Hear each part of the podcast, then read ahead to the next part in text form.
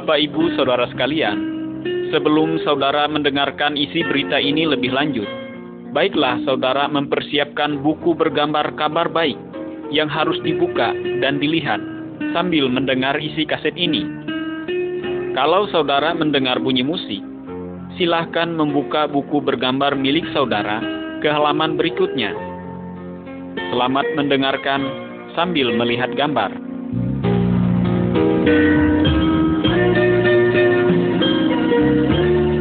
Gambar 1 Sebelum alam semesta diciptakan Sebelum alam semesta ini diciptakan oleh Allah, waktu itu belum ada manusia, belum ada binatang, laut, pohon, matahari, dan benda-benda yang lainnya. Waktu itu keadaan gelap gulita dan tidak teratur. Pada mulanya, yang ada hanyalah Allah sendiri. Hanya dengan berfirman saja, Allah menciptakan semua yang ada di dunia ini, seperti matahari, bulan, bintang, langit, dan bumi. Semua yang diciptakan oleh Allah disediakan untuk keperluan manusia yang akan diciptakan kemudian.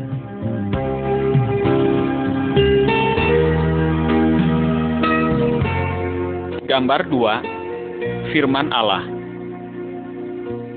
Buku yang ada dalam gambar ini disebut Alkitab. Kabar yang kami sampaikan di sini semuanya diambil dari Alkitab.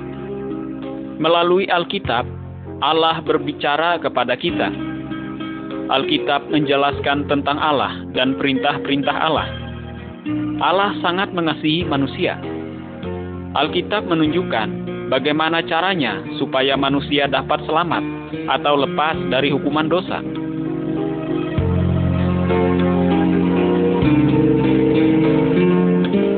Gambar 3 Penciptaan alam semesta Setelah Allah menciptakan langit dan bumi, Allah juga menciptakan segala macam pohon, burung, ikan, dan binatang. Semua yang diciptakan oleh Allah itu baik sekali. Allah juga menciptakan manusia. Allah senang bercakap dan bergaul dengan manusia yang diciptakannya. Allah mengangkat manusia untuk menjadi penguasa atas segala yang diciptakannya. Allah menghendaki supaya semua ciptaannya hidup rukun.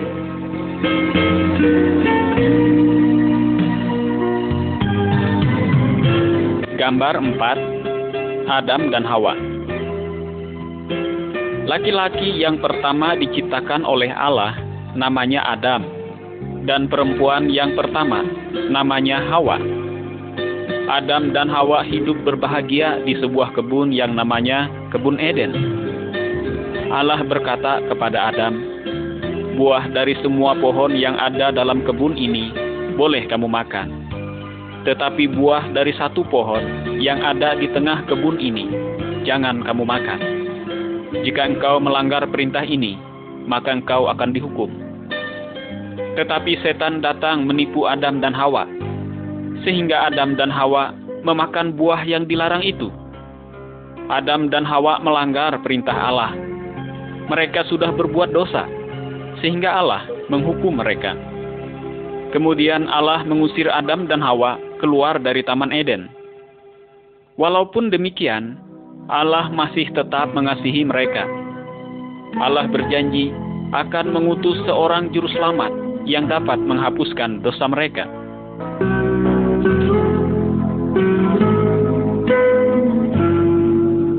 Gambar 5 Kain dan Habel Adam dan Hawa tadi sudah jatuh ke dalam dosa. Semua manusia, keturunan Adam dan Hawa juga, semuanya sudah jatuh ke dalam dosa. Orang yang memegang kayu pemukul ini namanya Kain. Kain adalah anak Adam.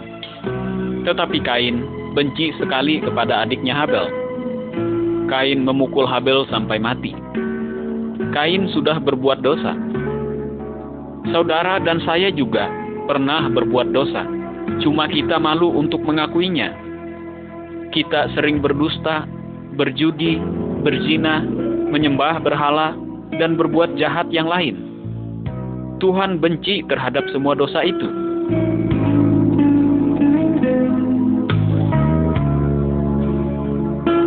Gambar 6 Bahtera Nuh Manusia keturunan Adam makin lama makin jahat, sehingga Allah akan menghukum mereka. Banjir besar akan datang sebagai hukuman dari Allah. Tetapi masih ada orang yang percaya kepada Allah. Nama orang itu adalah Nuh. Allah menyuruh Nuh membuat bahtera yang besar. Setelah bahtera itu selesai, Nuh dan keluarganya masuk ke dalam bahtera itu Nuh juga berusaha menyadarkan orang lain supaya bertobat, tetapi mereka tidak mau percaya kalau Allah akan menghukum mereka.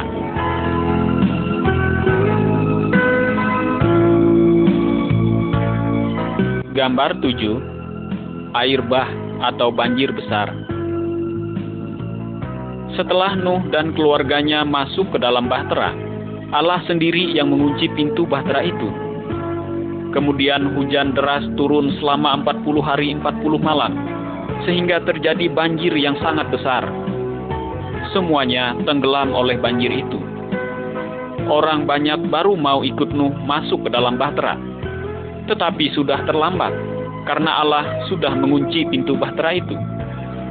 Semua orang yang berada di luar bahtera itu mati, karena mereka tidak percaya kepada Allah hanya Nuh dan keluarganya yang selamat, sebab Nuh taat kepada Allah. Kalau kita taat kepada Allah, maka kita juga akan selamat.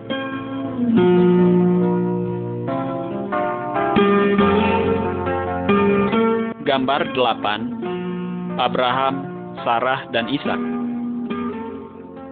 Abraham adalah seorang dari keturunanmu. Abraham percaya kepada Allah Allah berjanji kepada Abraham dan Sarah, istrinya yang mandul itu, bahwa mereka akan mempunyai anak. Setelah mereka tua sekali, barulah Abraham dan Sarah mendapat seorang anak laki-laki. Anak itu diberi nama Ishak. Allah berjanji bahwa melalui keturunan Ishak nanti akan datang seorang juru selamat. Penyelamat itu akan menghapuskan dosa manusia yaitu dosa saudara dan dosa saya juga.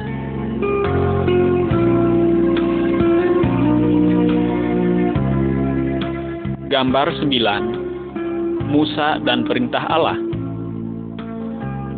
Musa adalah seorang keturunan dari Abraham. Musa percaya kepada Allah. Suatu hari, Allah menyuruh Musa naik ke atas gunung Sinai. Di atas gunung itu, Allah memberikan perintah-perintahnya kepada Musa. Pada gambar ini kita melihat Musa sudah turun dari atas gunung sambil membawa perintah Allah di tangannya. Allah menyuruh Musa agar menyampaikan perintah-perintahnya kepada orang banyak. Allah mau supaya semua orang taat kepada perintahnya itu.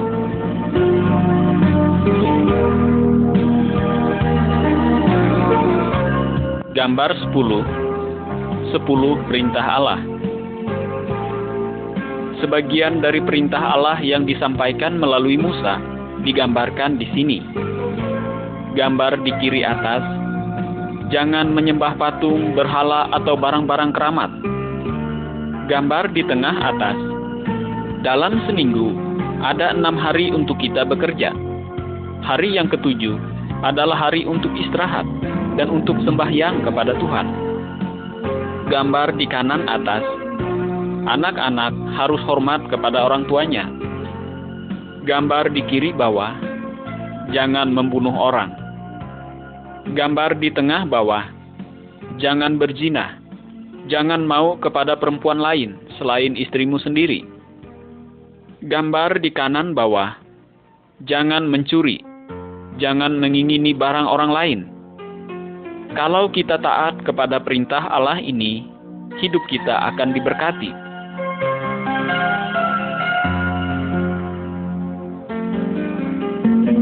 Gambar 11 Korban penghapus dosa Pada zaman Abraham dan Musa dulu, kalau ada orang berbuat dosa, maka Allah menyuruh ia untuk menyembelih domba. Orang itu mengorbankan domba sebagai tanda ia sudah menyesali dosanya. Sekarang kita tidak perlu lagi menyembelih domba atau binatang yang lain sebagai tanda penghapus dosa kita. Karena Allah sudah menjelma menjadi manusia, yaitu Yesus. Dan Yesus sudah mati untuk menggantikan hukuman dosa kita. Yesus dicambuk, bahkan sampai mati dibunuh. Tetapi pada hari yang ketiga, ia hidup kembali. Seharusnya kitalah yang harus menanggung hukuman itu karena kita sudah banyak berbuat dosa. Tetapi karena Allah sangat mengasihi kita, sehingga hukuman itu diambilnya dan ditanggungnya sendiri, supaya kita yang percaya kepadanya tidak mati binasa, tetapi memperoleh hidup yang kekal. Kalau kita mengaku dosa kita dan percaya kepada Yesus, maka segala dosa kita akan diampuni oleh Yesus.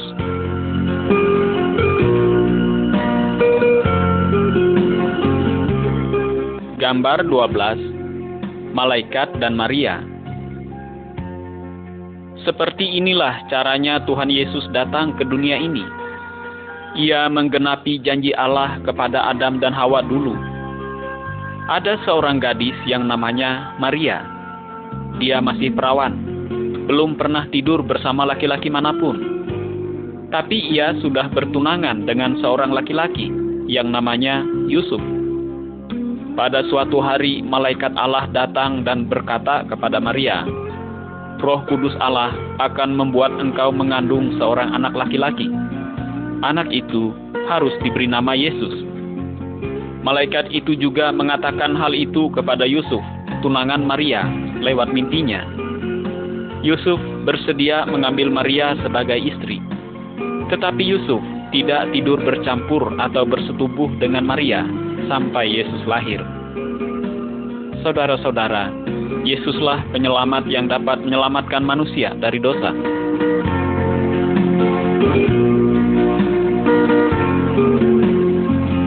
Gambar 13 Kelahiran Tuhan Yesus Kira-kira sembilan bulan sesudah itu, suatu malam, Maria melahirkan seorang bayi laki-laki. Pada malam itu juga, malaikat Allah datang kepada sekelompok gembala yang sedang menjaga kambing domba mereka. Para malaikat itu berkata, "Pada malam ini, juru selamat yang dijanjikan oleh Allah sudah lahir. Namanya Yesus." Sesudah mendengar itu, para gembala itu segera pergi mencari Yesus untuk menyembah Dia. Yesuslah yang dapat menghapuskan segala dosa saudara.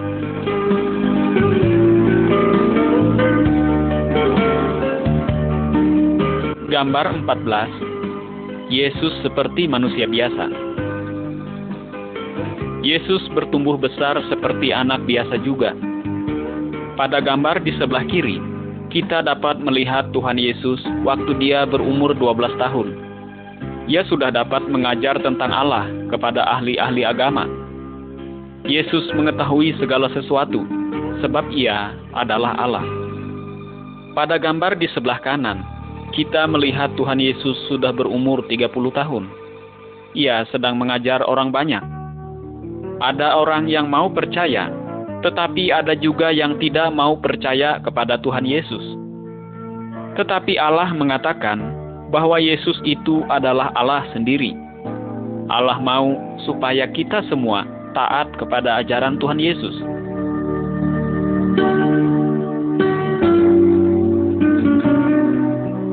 Gambar 15 Yesus membuat mujizat Allah yang kita percaya itu namanya Yesus. Dia sangat hebat dan sangat berkuasa. Yesus lebih berkuasa dari apa pun juga. Dia lebih berkuasa dari segala setan ataupun dukun. Lihatlah gambar di sebelah kiri. Yesus dapat menyembuhkan orang buta. Lihat lagi gambar di tengah, Yesus dapat menghidupkan orang mati. Lihat gambar di sebelah kanan. Yesus dapat berjalan di atas air. Tuhan Yesus sanggup menolong hidup saudara, karena Tuhan Yesus adalah Allah yang Maha Kuasa.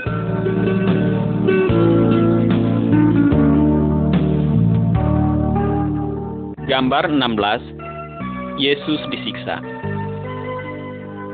Yesus selalu berbuat baik dan tidak pernah berbuat dosa. Yesus mengajarkan tentang Allah, dan Ia mau supaya setiap orang taat kepada Allah. Tuhan Yesus menerangkan kepada orang banyak bahwa manusia itu sudah berdosa. Tetapi mereka malah marah, kemudian mereka menangkap Tuhan Yesus. Tuhan Yesus mereka pukul, mereka ludahi, dan mereka ejek. Tetapi Tuhan Yesus tidak melawan, apa sebabnya? Karena Tuhan Yesus rela menderita seperti itu dengan maksud untuk menanggung segala hukuman dosa kita manusia, supaya kita dibebaskan dari hukuman neraka.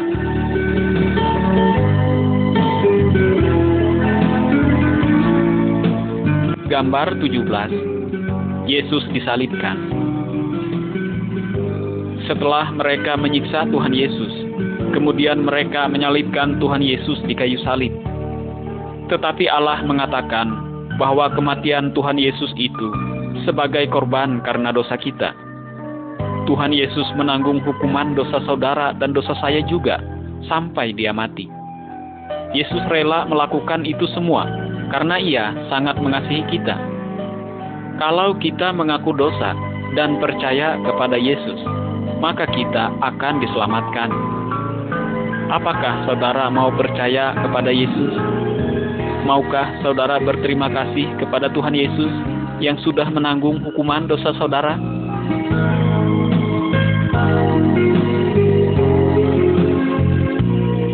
Gambar 18 Kebangkitan Tuhan Yesus Setelah Tuhan Yesus mati disalibkan, kemudian seorang teman Tuhan Yesus menguburkan tubuh Tuhan Yesus Yesus dikubur di dalam sebuah kubur pada bukit batu. Kemudian, pintu kubur itu ditutup dengan batu yang besar. Tiga hari sesudah itu, Maria dan teman-temannya datang ke kubur itu. Tetapi Tuhan Yesus sudah tidak ada lagi. Yang ada hanya malaikat. Malaikat itu berkata, "Tuhan Yesus tidak ada di sini. Yesus sudah hidup kembali." Sampai sekarang ini, Tuhan Yesus tetap hidup. Kalau kita berdoa kepadanya, Tuhan Yesus mendengar doa kita, dan Ia selalu memperhatikan hidup kita.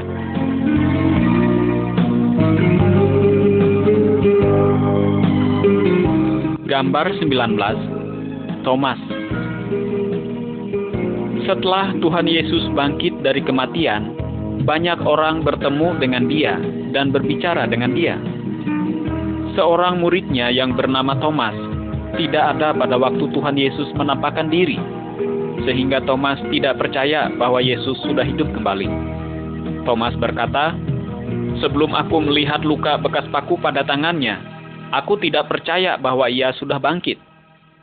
Kemudian Tuhan Yesus datang kepada Thomas dan memperlihatkan bekas lukanya. Baru Thomas percaya bahwa Yesus sudah bangkit kembali, karena ia sudah melihat. Tetapi Tuhan Yesus mau supaya kita percaya kepadanya, walaupun kita belum pernah melihat Dia dengan mata kita sendiri. Karena ada saatnya nanti kita akan bertemu langsung dengan Tuhan Yesus.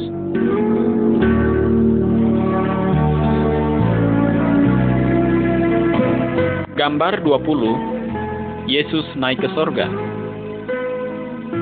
Sesudah Tuhan Yesus bangkit, 40 hari kemudian, ia mengajak murid-muridnya ke sebuah bukit. Di sana Tuhan Yesus berkata kepada mereka, "Sekarang aku akan naik ke sorga. Setelah aku pergi, kamu harus memberitakan tentang aku kepada semua orang.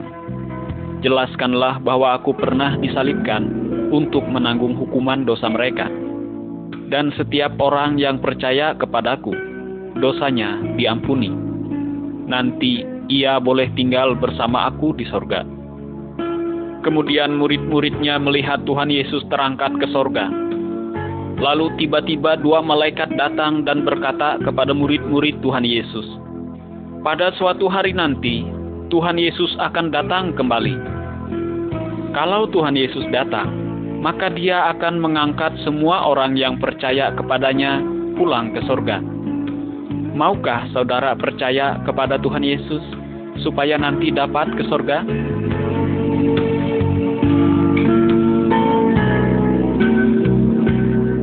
Gambar 21 Kayu Salib Kayu salib mengingatkan kita akan kasih Tuhan Yesus.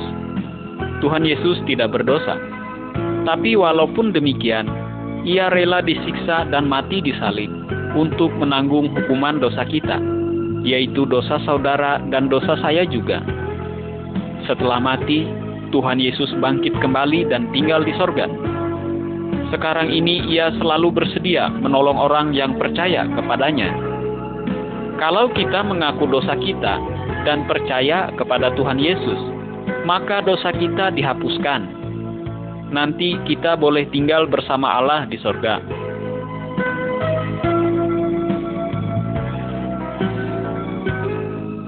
Gambar 22 Dua jalan Tuhan Yesus mengatakan bahwa ada dua jalan, yaitu jalan yang lebar dan jalan yang sempit. Setiap orang sejak dia lahir sudah ada di jalan yang lebar. Jalan yang lebar ini menuju hukuman dalam neraka yang tidak bisa padam. Tapi kalau orang percaya kepada Tuhan Yesus dan taat kepada perintahnya, maka ia berpindah dari jalan yang lebar ke jalan yang sempit. Jalan yang sempit ini menuju hidup bersama Allah di sorga. Maukah saudara percaya kepada Tuhan Yesus? dan berjalan di jalan yang sempit? Kalau saudara mau, katakanlah kepada Tuhan Yesus seperti ini: "Tuhan Yesus, saya mengaku bahwa saya berdosa. Saya percaya bahwa Tuhan Yesus mati di salib untuk menanggung hukuman dosa-dosa saya. Tuhan, ampunilah saya dan ubahlah hidup saya. Saya mau tinggal bersama Allah di surga. Terima kasih, Tuhan Yesus." Amin. Kalau saudara sungguh-sungguh berkata demikian kepada Tuhan Yesus, Dia mengangkat saudara sebagai anak Allah, dan Allah menjadi Bapa saudara.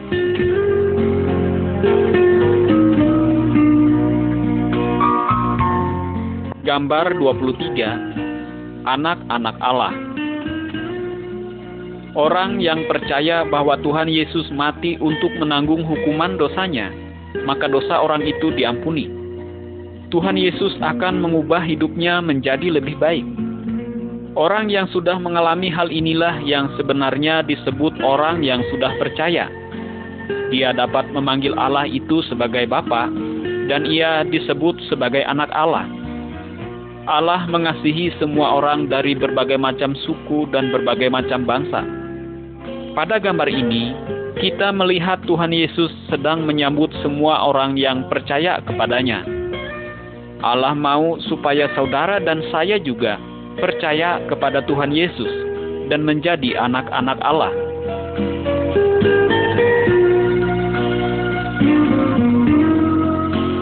Gambar 24 Yesus dan Nikodemus Dalam gambar ini kita melihat Tuhan Yesus sedang berbicara dengan seorang guru agama yang namanya Nikodemus. Tuhan Yesus menerangkan kepadanya, setiap orang agar dapat masuk ke surga, ia harus diperbaharui jiwanya. Hanya Roh Kuduslah yang dapat memperbaharui jiwa manusia. Kita sendiri tidak bisa, meskipun dengan seluruh amal perbuatan baik yang kita lakukan, karena kita semua sudah berdosa. Dengan mengaku dosa dan percaya bahwa Yesuslah yang dapat menghapuskan dosa kita, maka Roh Kudus akan memperbaharui jiwa kita. Kemudian Nikodemus juga mengakui dosanya dan percaya bahwa Yesuslah juru selamat yang dapat menghapuskan dosanya. Tetapi bagaimana dengan dosa saudara?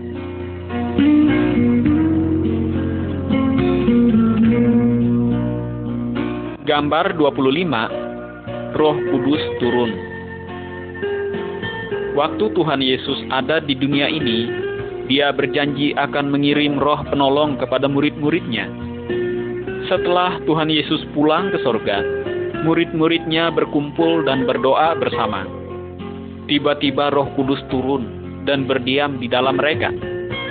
Roh Kudus memberi kuasa kepada mereka untuk melakukan perintah Tuhan Yesus Roh Kudus sebagai penolong dan penghibur bagi mereka. Roh Kudus menolong mereka untuk mengerti firman Allah. Roh Kudus berdiam dalam setiap orang yang berserah diri kepada Tuhan Yesus.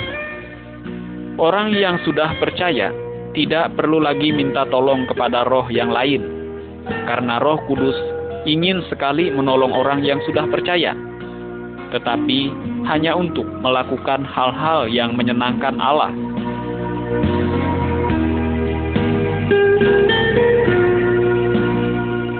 Gambar 26 Berjalan di dalam terang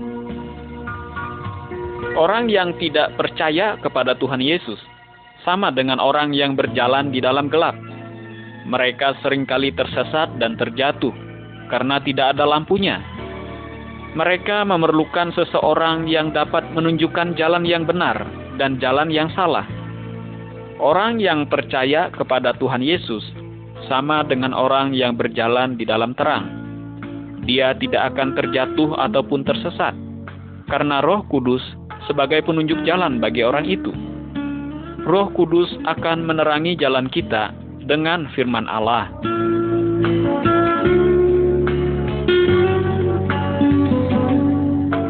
Gambar 27 Taat kepada firman Allah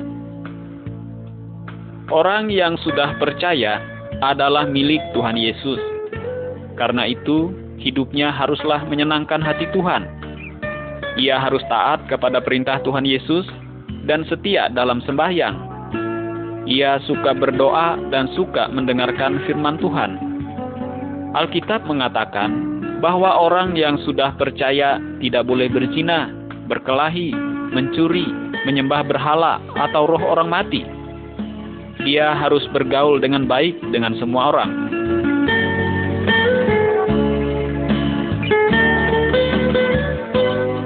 Gambar 28 Keluarga yang sudah percaya Keluarga yang sudah percaya harus hidup sesuai dengan firman Allah Suami yang sudah percaya harus mengasihi istrinya, dan juga istri yang sudah percaya harus hormat kepada suaminya. Suami istri harus saling setia dan tidak boleh serong dengan orang lain. Mereka harus saling tolong-menolong. Mereka harus mengasuh anak-anak mereka dengan baik dan mengajarkan tentang Tuhan Yesus kepada anak-anak mereka. Keluarga yang baik harus berdoa bersama setiap hari.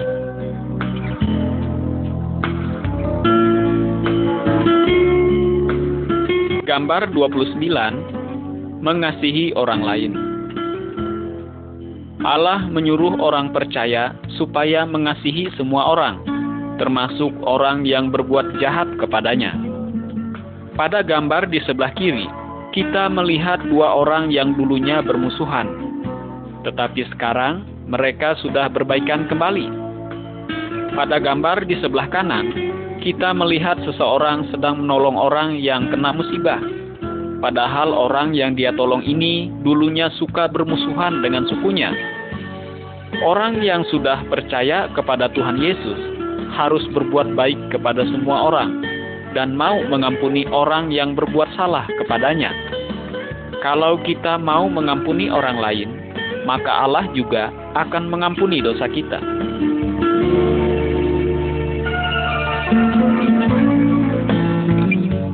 Gambar 30 Tuhan Yesus yang berkuasa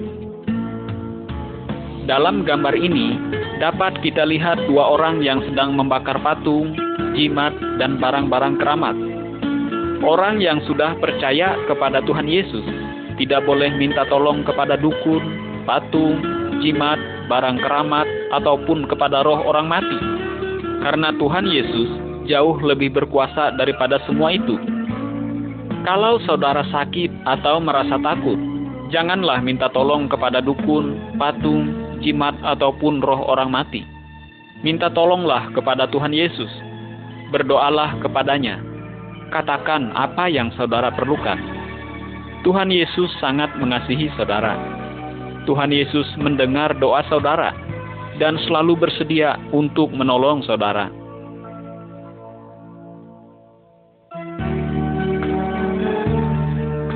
Gambar 31 Mengusir setan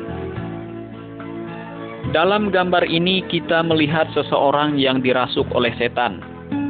Semua tali dan rantai yang mengikat dia dapat dia putuskan. Karena setan yang ada di dalam dia kuat sekali. Ketika Tuhan Yesus datang, Yesus mengusir setan dari orang itu. Orang itu menjadi sembuh. Setan terpaksa keluar dari orang itu karena setan takut kepada Tuhan Yesus. Jangan percaya kepada setan, karena Tuhan Yesus jauh lebih berkuasa dari segala setan. Kalau saudara diganggu oleh setan, jangan minta tolong kepada dukun. Minta tolonglah kepada Allah di dalam nama Tuhan Yesus Tuhan Yesus akan mengusir setan-setan itu.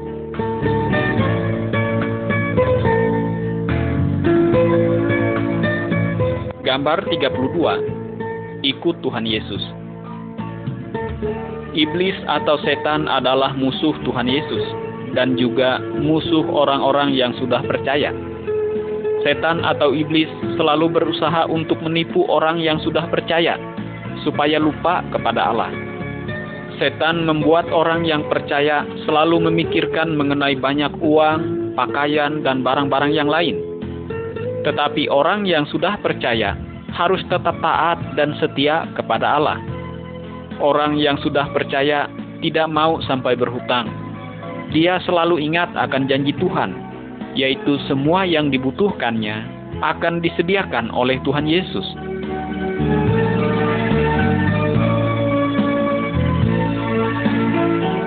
Gambar 33. Kalau orang percaya berdosa lagi. Dalam gambar ini, kita melihat seorang anak laki-laki yang sudah banyak berbuat dosa. Ia menghamburkan uang yang diperolehnya dari bapaknya. Ia pergi berzina, berjudi, berfoya-foya sekehendak hatinya.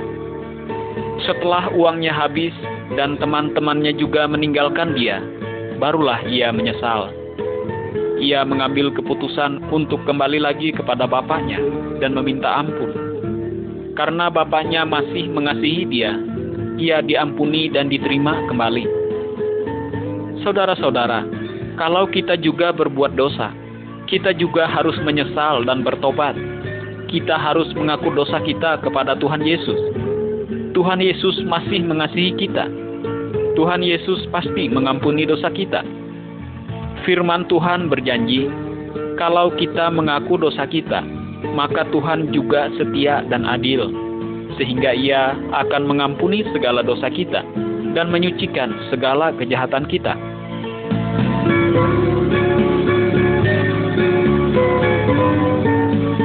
Gambar 34 Orang sakit Semua orang, baik yang sudah percaya maupun yang belum percaya, semuanya bisa sakit. Dalam gambar ini, kita melihat seseorang yang sedang terbaring karena sakit. Orang bisa sakit karena ia makan makanan yang tidak baik, karena minum air yang kotor, dan karena tidak memelihara tubuhnya. Orang juga bisa sakit karena dirasuk setan atau karena kena sihir. Kalau orang yang sudah percaya sakit, apa yang harus dilakukannya? berdoalah kepada Tuhan Yesus. Tuhan Yesus pasti mendengar doa saudara.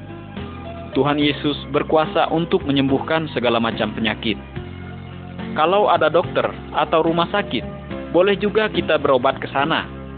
Tuhan Yesus juga dapat memakai obat-obatan tersebut untuk menyembuhkan saudara. Tetapi jangan pergi ke dukun. Minta tolonglah kepada Tuhan Yesus. Tuhan Yesus lebih berkuasa dari segala setan ataupun dukun-dukun.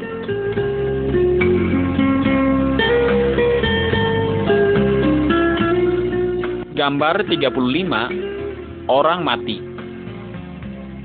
Kalau orang yang sudah percaya kepada Tuhan Yesus, kalau ia mati, maka tubuhnya dikuburkan, tetapi jiwanya akan ke sorga, karena dosanya sudah dihapuskan oleh Tuhan Yesus. Jika seseorang yang belum percaya kepada Tuhan Yesus, kalau dia mati, tubuhnya juga dikubur, tetapi jiwanya akan dihukum di dalam neraka karena ia masih berdosa. Bagaimana jika sekarang saudara mati? Apakah jiwa saudara sudah dibersihkan dari segala dosa supaya dapat ke sorga?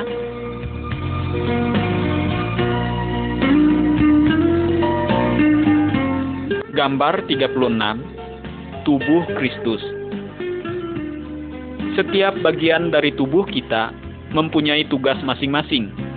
Misalnya, mata untuk melihat, mulut untuk berbicara, telinga untuk mendengar, dan tangan untuk bekerja. Kalau ada satu bagian saja dari tubuh kita yang sakit, maka seluruh tubuh akan merasa sakit. Allah mengatakan bahwa setiap orang yang sudah percaya adalah bagian-bagian dari tubuh Kristus, dan Tuhan Yesus adalah kepala dari tubuh itu. Setiap orang yang sudah percaya mempunyai tugas yang berbeda juga. Misalnya, ada yang berkhotbah, mengajar, menyanyi memuji Allah, menolong orang lain, dan sebagainya. Setiap orang yang sudah percaya adalah saksi bagi Tuhan Yesus. Semua orang yang sudah percaya harus saling mengasihi dan saling membantu.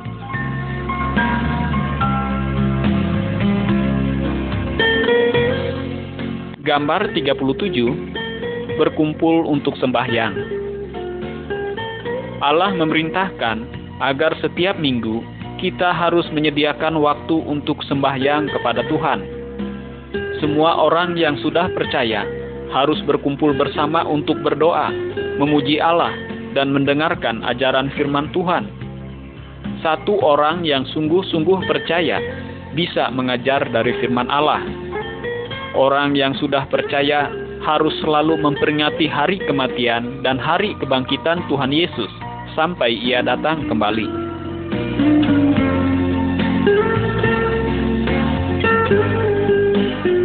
Gambar 38 Tuhan Yesus akan datang kembali. Sekarang ini Tuhan Yesus ada di sorga. Tetapi suatu hari nanti, ia pasti datang kembali ke dunia ini. Kalau ia datang, maka semua orang yang percaya kepadanya akan diangkat ke sorga. Tetapi orang yang tidak mau percaya kepada Tuhan Yesus akan ditinggalkan dan dihukum di dalam api neraka. Orang yang belum bertobat dan hidupnya belum berubah juga akan dihukum Apakah saudara sudah siap kalau Tuhan Yesus datang sekarang?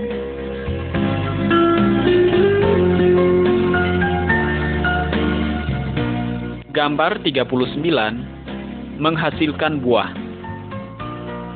Dari pohonnya kita mengharapkan muncul buah. Dahan yang tidak berbuah akan dipotong dan dibakar dalam api. Tuhan Yesus mengumpamakan dirinya sebagai batang pohon dan semua orang yang percaya kepadanya sebagai dahan-dahannya. Dari orang yang sudah percaya, Tuhan Yesus mengharapkan muncul buah-buah yang baik.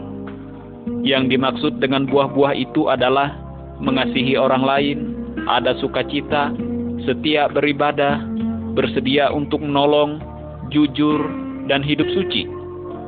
Buah-buah tersebut akan timbul dalam hidup orang yang sudah percaya karena kuasa Roh Kudus.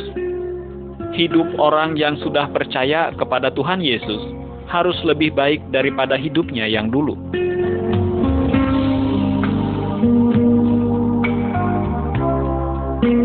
Gambar 40 bersaksi kepada orang lain. Apakah saudara sudah percaya kepada Tuhan Yesus? Kalau saudara benar-benar percaya, Katakanlah kepada keluargamu bahwa Yesus sangat baik. Katakan juga kepada teman-temanmu bahwa Yesus mengasihi mereka juga. Katakan bahwa hatimu sudah tenang dan tidak lagi takut kepada setan atau hantu. Tuhan Yesus sudah menyediakan tempat di sorga bagi saudara yang benar-benar percaya. Katakanlah kepada semua orang bahwa ada tempat di sorga bagi mereka yang mau percaya kepada Yesus. Sebaliknya, ada tempat hukuman bagi mereka yang menolak Tuhan Yesus. Beritahukanlah bahwa Yesus ingin menyelamatkan semua orang agar tidak dihukum di neraka. Maukah saudara bersaksi bagi Yesus? Pikirkanlah hal ini baik-baik dan ambillah keputusan yang tepat. Tuhan Yesus memberkati saudara. thank you